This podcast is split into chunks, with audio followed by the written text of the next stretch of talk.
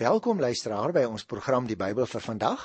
En vandag is ons by Lukas, die tweede hoofstuk en dit vorm nog altyd deel van die groot geboorteverhaal in die evangelie volgens Lukas se beskrywing wat handel oor die geboorte en jong lewe van beide Johannes die Doper en die Here Jesus. En vandag is ons dan by die geboorte van die Here Jesus wat 'n mens kry hier van uh Lukas 2 die eerste vers af. Ek gaan dadelik sommer begin deur die eerste 3 verse te lees. In daardie tyd het keiser Augustus 'n bevel uitgevaardig dat 'n volkstelling in die hele ryk gehou moet word. Hierdie eerste volkstelling het plaasgevind toe Sirenius goewerneur was in die provinsie Sirië. Almal het gegaan om hulle te laat inskryf, elkeen na sy eie stad toe. Luisteraars, ek het al vir jou gesê dat Lukas hoofsaaklik Griekse lesers en nie Joodse lesers uh, op die oog het. En nou is dit vir my baie opvallend uh van Lukas dat hy die verlossingsgeskiedenis aan die wêreldgeskiedenis verbind. Kom ek vertel jou 'n bietjie daarvan. Gaius Julius Caesar Octavianus, is 'n vreeslike naam, né? Hy het in 28 voor Christus van die Senaat in Rome die eretitel Augustus wat verhewene beteken ontvang. En ongeveer 6 maande na die geboorte van Johannes die Doper het Augustus staan nou hier 'n bevel uitgevaardig dat 'n volkstelling in die hele ryk gehou moes word. Die Jode was natuurlik baie sterk verbonde aan die plek van 'n stamverwantskap en daarom moes elkeen nou na sy eie stad toe gaan. Lukas verwys nou na hierdie volkstelling as die eerste, interessant, die eerste om dit te onderskei van die volkstelling uh, wat kort daarna gekom het en wat beskryf word in Handelinge daarby vers 37. Nou hierdie eerste volkstelling staan hier nou het plaasgevind toe Sirenius goewerneur was in die provinsie Sirië. Hy was 'n uh, eh, luisteraars twee termyne lank aan bewind. En hy het waarskynlik die volkstelling vir die hele streek Palestina ingesluit gereël. En die volkstelling het dan nou plaasgevind uh, volgens berekening so in die jaar 7 of miskien 6 voor Christus. Jesus moet dus gedurende hierdie tyd gebore gewees het. Ek het al toe ons Matteus behandel het ook daarna verwys dat ons jaartelling eintlik verkeerd is. Die Here Jesus is nie in die jaar 0 gebore soos wat ons nou dink nie, maar eers later in die geskiedenis het agtergekom uh dat die berekening van sy geboortejaar verkeerd is. So die Here Jesus is so enige tyd van 7 voor Christus 6, miskien 4 voor Christus gebore, maar ons kan dus aanvaar dat dit so iewers van 7 voor Christus af is. Nou ons kan natuurlik nie ons almanakke regstel nie, maar ons weet dit omdat die Here Jesus in hierdie tyd gebore is en ons weet wanneer hierdie man opgetree het. Uh en daarom help dit ons met ons datering. Nou kom ons lees hier by vers 4. Ook Josef het gegaan Hy het van die dorp Nasaret in Galilea na na Judea toe gegaan na Bethlehem, die stad van Dawid, omdat hy tot die huis en die geslag van Dawid behoort het. Nou kom ons gesels eers hieroor. Luisteraars, Josef is deur die owerheid gedwing om hierdie 112 km ver te reis ter wille van die sensus om ingeskrywe te word. Want ons moet 'n gedagte hou sy verloofde het saam met hom gegaan ondanks die feit dat haar baba enige oomblik gebore kan word. Met haar aankoms in Bethlehem kon hulle egter nie blyplek kry nie. Nou is ons nie verseker van 'n gerieflike en gemaklike lewe as ons God se wil doen nie hoor. Maar ons het wel die versekering dat selfs ons ongerief betekenis in God se plan het. En daarom is hierdie versie vir ons belangrik, want Lukas wil beklemtoon dat God die hele geskiedenis beheer. Die sensusbevel van die keiser veroorsaak nou dat Jesus in Bethlehem gebore sou word. Hoekom? Waar die Messias volgens die Ou Testamentiese profeseë gebore sou word. Onthou jy, gaan kyk maar in Micha 5 vers 2. Daar word Bethlehem by name genoem. Nou sowel Josef as Maria was natuurlik afstammelinge van koning Dawid. Daar's baie profeseë in die Ou Testament waarin die Christene ook bevestiging vind dat die Messias uit die geslag van Dawid sou kom. Jy kan maar net gaan kyk in Jesaja 11 vers 1 of Jeremia 33 vers 15 of Hosea 3 vers 5 is 'n goeie verwysing. Josef sê die 4de vers het tot die huis en die geslag van Dawid behoort. En daarom luisteraars moes hy vir die inskrywing na Bethlehem toe gegaan het, die stad van Dawid. Gaan kyk maar in 1 Samuel 17 vers 12, dan sê dit al daar kry. Nou dit is 'n reis wat vir 'n verwagtende vrou verseker ongemaklik moes wees. Maar die Here het dit so beskik. Nou voordat ons nou die 5de versie lees, wil ek net so vir 'n oombliekie by hierdie Maria stil staan. Uh want vir al die vrouens wat na ons program luister sal weet, moederskap is 'n voorreg, maar dit is 'n pynlike voorreg, nie waar nie? Die jong vrou Maria van Nasaret was bevoorreg om die moeder van God se seun te word. En elke moeder sal weet wat 'n vreugde en pyn swangerskap en geboorte vir jou gebring het. Maria was die enigste mens wat by Jesus se geboorte en by sy dood teenwoordig was. Sy het hom as babaseentjie in die wêreld sien kom en as haar verlosser daaruit sien weggaan. Maria se lewe het normaal en glad verloop totdat die engel Gabriël haar besoek het. Sy het kort van tevore verloof geraak aan die timmerman Josef en hy het natuurlik uitgesien ook na die getroude lewe saam met Maria. Maria se lewe sou egter onherroepelik verander en nie een van hulle het ooit daaraan gedink nie. Natuurlik engele maak nie afsprake voordat hulle mense besoek nie. Maria was sekerlik verskrik toe sy die engel sien en sy het nie verstaan wat sy groet kon beteken nie. Sy het immers niks buitengewoons gedoen nie. Sy was 'n doodgewone Joodse meisietjie. Moontlik heel waarskynlik was sy nie ouer as 14 of 16 jaar nie. Die engel se volgende woorde aan haar was nuus wat elke vrou in Israel seker vir haar sou beny, naamlik dat haar seun, die Messias, God se beloofde verlosser sou wees. Nou Maria het nie getwyfel nie, maar sy het wel gevra hoe dit sou moontlik raak om swanger te kan raak. Jy onthou nog, ons het dit behandel. En daarom dink ek is die sleutelvers wat ek altyd wil onthou uit haar lewe. Daar hier in Lukas uh, 1 vers 38, ek het dit 'n vorige keer uitgewys toe ons dit behandel het. Ek is tot beskikking van die Here. Laat met my gebeur wat u gesê het. En nou is ons in die geskiedenis op die historiese punt dat dit wat die engel gesê het en wat Maria aanvaar het, gaan gebeur. Daarom vers 5 hier in Lukas by die tweede hoofstuk. Maria, sy verloofde wat swanger was, het saamgegaan om ingeskryf te word. En dan sê vers 6 en 7 terwyl hulle daar was, het die tyd gekom dat haar kind gebore moes word.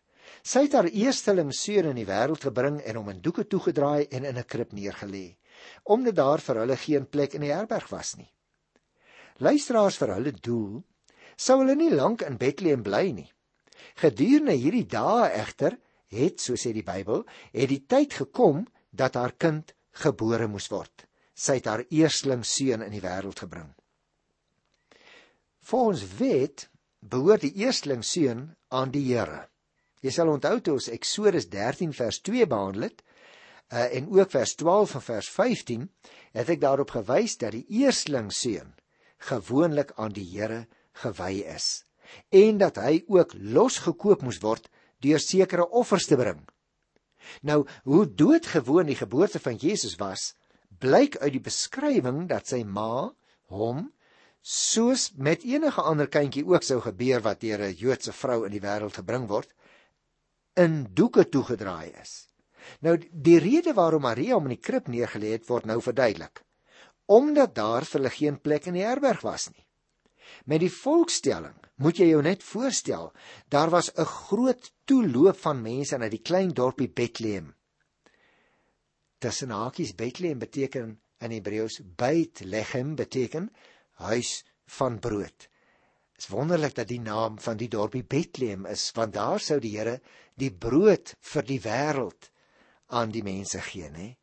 Huis van brood. En nou ja, op daardie stadium was hierdie Bethlehem huis van brood vol mense wat hulle moes laat inskrywe. En die enigste toevlug vir Josef Maria was daarom 'n stal en Jesus se wieg was dus 'n gewone voerbak van diere. Kan jy jou voorstel die koning van die hemel moet in 'n dierevoerbak kom lê na sy geboorte. Die kindjie was in doeke toegedraai en hy lê nou in die krippie en hy het besondere betekenis omdat dit as teken gegee is vir die herders wat Jesus moes besoek. Die gewoon menslike en nederige omstandighede van die geboorte van die seun van God word dus ook hiermee beklemtoon. Ek dink luisteraar dat uh, hierdie verwysing na die krib juis aanleiding gegee tot die gedagte dat Jesus in 'n stal gebore is. Dit dien vir alles voorbereiding vir die herinneringsteken wat in 2 vers 12 gegee sal word. Geen melding word nou hier gemaak van die teenwoordigheid van diere nie. En die bekende Kersfees voorstelling van die diere om die krib is waarskynlik van Jesaja 1 vers 3 af afkomstig. Die krib dien in elk geval as 'n paradoks om juis die teenstelling tussen die Messias en sy nederige geboorteplek te dramatiseer. Ons moet God nooit deur ons verwagtinge probeer beperk nie. Hy werk daar waar dit nodig is in ons sonde besmette en vuil wêreld. Jy sien, as ons aan God dink, sou mense wou sê, "Maar hoe kan die Here sy hand in my lewe steek? Ek is dit nie waardig nie."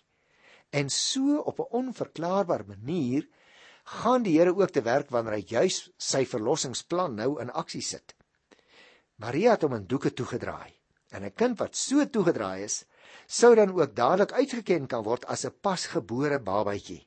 En hierdie gebruik tussen hakies luisteraars word vandag nog in sommige oosterse lande nagevolg. Die eerste beeld van Jesus op aarde wat opgeroep kan word, is dus die beeld wat jy baie goed ken waar hy in 'n krib lê. Dit lyk wel mooi op Kerstonele. O ja, op ons Kerskaartjies, miskien selfs nog mooier. Maar luisteraars, dit mag nooit ons enigste inbeelding van Christus wees nie. Ons mag hom nie daar hou as dit ware waar hy in 'n krib lê nie. Want jy sien, hierdie hulpelose baba het opgegroei en hy het uiteindelik God se middelaar tussen God en mense op aarde geword. Ek wil vir jou vraag vra. sien jy die Here Jesus nog steeds maar net as 'n babatjie in 'n krib? Of sien jy hom werklik as jou Here? Sorg tog dat jy Jesus nooit onderskat nie. Hy moet ook in jou lewe volwasse word en die ware norm wees in alles wat jy en ek doen. Daarom moet ons versigtig wees in ons voorstellings wat ons in ons kop troetel oor hoe en wat alles gebeur het en hoe dit alles gelyk het daar by die geboorte van die Here Jesus. Nou kom ons kyk hier wat staan in die 8ste vers in die opskrif in die Afrikaanse Bybel daar is die skaapwagters en die engele. Daar was skaapwagters in daardie omgewing wat in oop veld gebly het en in die nag oor hulle skape wag gehou het. Nou die groepie skaapwagters wat ons nou hier ontmoet. Lees ons het in die veld naby Bethlehem gewoon, net soos Dawid van ouds. Gaan kyk maar weer in 1 Samuel 17 daar van die 34ste vers af van sê dit kry. In die nag staan hier, hulle het in die nag oor hulle skape wag gehou. Jy sal nog onthou, in Dawid se tyd het herderswerk nog status gehad. Ten tye van die geboorte van Jesus was dit nie noodwendig meer so nie. Skaapwagters in die tyd van die Nuwe Testament was van die nederigste mense, die wat daar as dit ware op die die buiterand van die maatskappy gelewe het. Hulle is dikwels deur die ouens in die stede verag. Hulle is dikwels as onbetroubaar beskou. Maar nou hier in die Lukas Evangelie word juis beklemtoon dat die genade van God aan sulke uitgeworpenes en veragtes wat op die kantlyn moet lewe bewys word. Jy moet nooit dit mislees in die Bybel nie, luisteraar, want ons kan soms so in ons gerieflike omstandighede vergeet dat die Here gekom het in omstandighede wat vir die mag ek maar die woord gebruik vir die deftige mense van daardie tyd eintlik nie aanvaarbaar sou gewees het nie. Die berig van die geboorte van die seun van God word nie in die eerste plek aan die hoë priester of die skrifgeleerde bekend gemaak nie, maar aan hierdie eenvoudige herders in die veld. Kan jy dit glo? God is nog steeds besig natuurlik om sy seun bekend te stel, hoewel hy dit dikwels doen ook op maniere wat vir jou of my vreemd is. Daarom luisteraar moet ons baie mooi aandag gee. Moet ons onsself vra, is ons nie dikwels besig om te romantiseer hierdie hele gebeure rondom die ge geboorte van die Here Jesus nie? Want dit moes vernederend gewees het. Dit was inderdaad die eerste stap van Jesus se vernedering, naamlik sy menswording. En daar sou nog baie erger ding met hom gebeur. Maar ons gaan later daarby kom. Kom ek lees hier uh vers 9 en 10, maar ek wil net so 'n bietjie agtergrond gee, dan verstaan ons dit miskien so 'n bietjie makliker as ek dit lees. Jy sien die grootste gebeurtenis in die hele geskiedenis het sopas plaasgevind. Die Messias is gebore. Die Jode het baie eeue lank daarvoor gewag. En toe dit uiteindelik gebeur het, is die nuus het ons nou nog gelees aan die nederige skaapwagters vertel.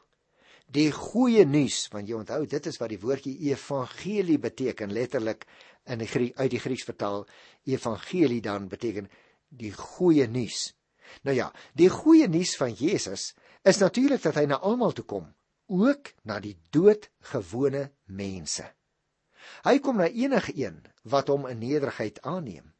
Wie jy ook al is, wat jy ook al doen, jy kan die Here Jesus in jou lewe hê. Moenie dink dat jy buitengewone eienskappe of hoë geleerdheid daarvoor nodig het nie. Die Here aanvaar jou net soos jy is. En daarom wil ek nou eers na die detail kyk. Ek lees hier by Lukas 2 vers 9. Met een staan daar 'n engel van die Here by hulle. Dis nou die skaapwagters. En die heerlikheid van die Here het rondom hulle geskyn. Hulle het baie groot geskrik. Dis my interessant dat Lukas dit daar skrywe luisteraars, want teenoor die rustige atmosfeer van die vorige vers is die gebeure wat vers 9 beskryf vol opwinding.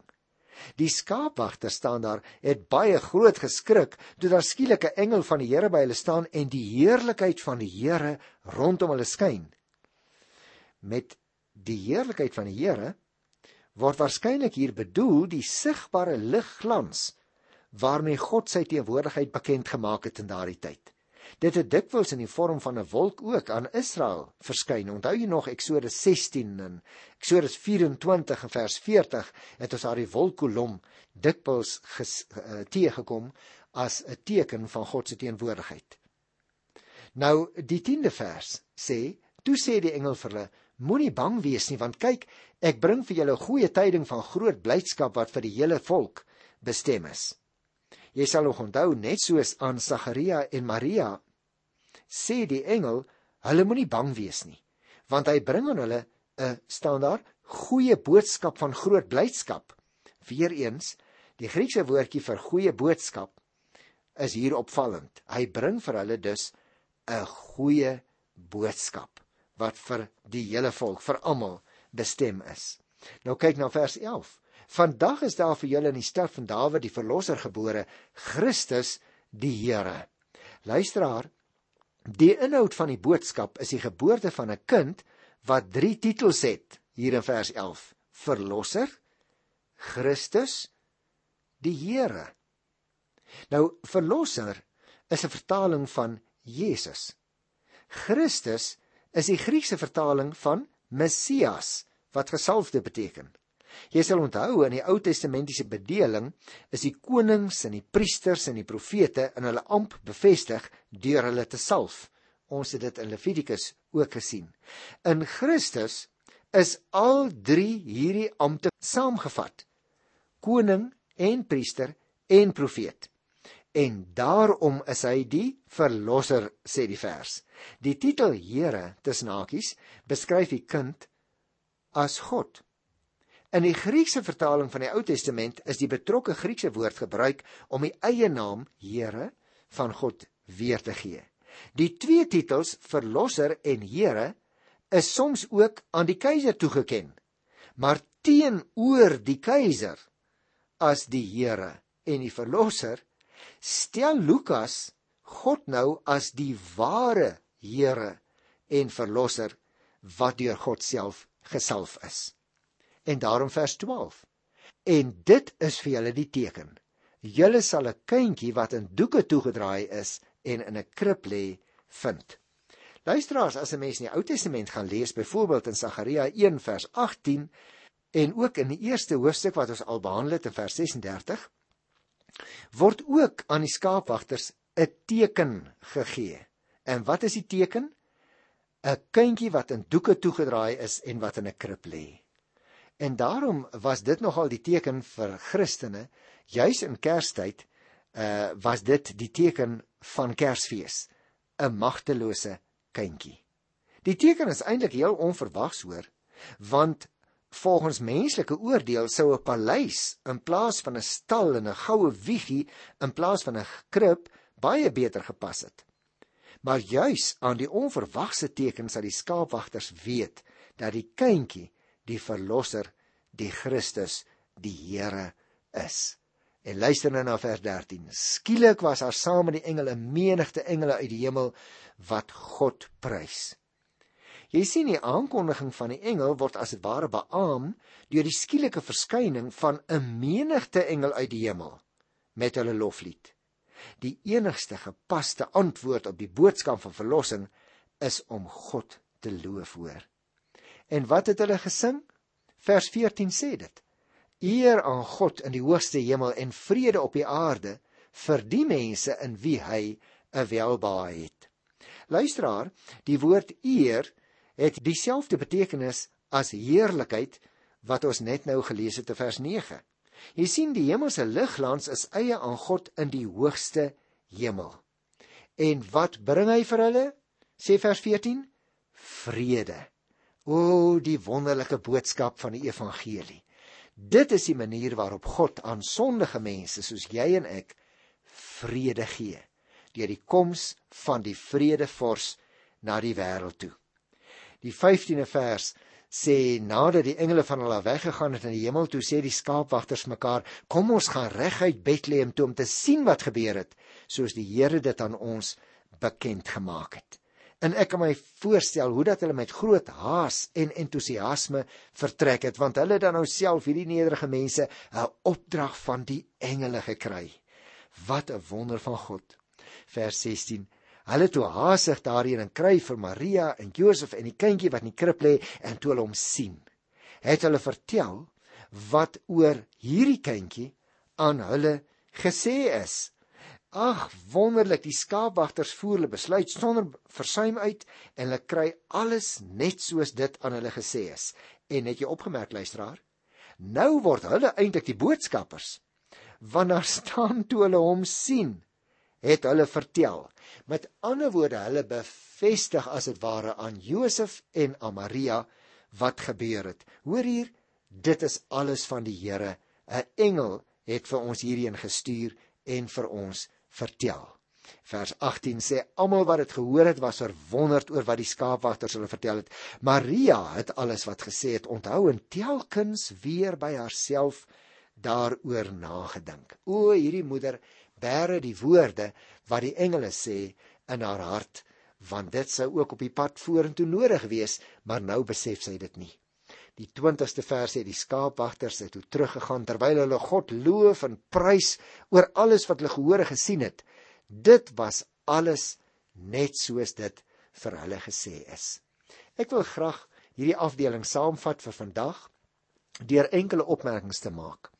Luisteraars, Joodse gesinne moes kort na 'n baba se geboorte natuurlik ook die kindjie aan die Here toewy. En daarby gaan ek volgende keer stil staan. Maar as ek nou dink aan wat ons vandag hier gelees het, dan wil ek sê die hele koms van die Here Jesus na die wêreld toe is eintlik so totaal anders as wat 'n mens sou dink. Hy kom nie in hemelse glorie en sit op 'n goue troon nie. Nee, God se manier van doen is heeltemal anders as wat jy en ek ooit sou kon bedink. Daarom is daar nêrens in die geskiedenis enige iets wat hiermee as 'n parallel gesien sou kon word nie. Die Here God stuur sy enigste seun na die wêreld toe. Hy verlaat die troonsale van die hemel. Hy word gebore as mens in 'n krib. En nou moet jy en ek natuurlik onthou dat dit nie die ontstaan van die Here Jesus was nie. Ek het toe ons die ander evangelies behandel het ook eendag daarop gewys, maar ek wil dit net weer onderstreep want dit is van kardinale belang. Die Here Jesus was altyd God. Hy was in alle tye daar. Sy menswording was net die vergestalting waarop God in mense gestalte onder ons kom woon het. Maar dit was nie die ontstaan van Jesus nie. Hy het altyd bestaan. En daarom is hierdie hele vertelling van Lukas gehul in woorde en word dit beskryf met woorde wat vir ons die goddelike aan hierdie gebeure wil onderstreep. En ek dink vir die mense van daardie tyd moes dit wonderlik gewees het. Vir die skaapwagters miskien die heel wonderlikste. Onthou, die Here wil ook vir jou, vir jou wat miskien dink, ag ek is niks werd nie, wil hy aanraak in en deur sy seun. Hy het vir jou gekom. Tot volgende keer groet ek jou in die wonderlike naam van Jesus Christus, die enigste Here. Tot dan. Totsiens.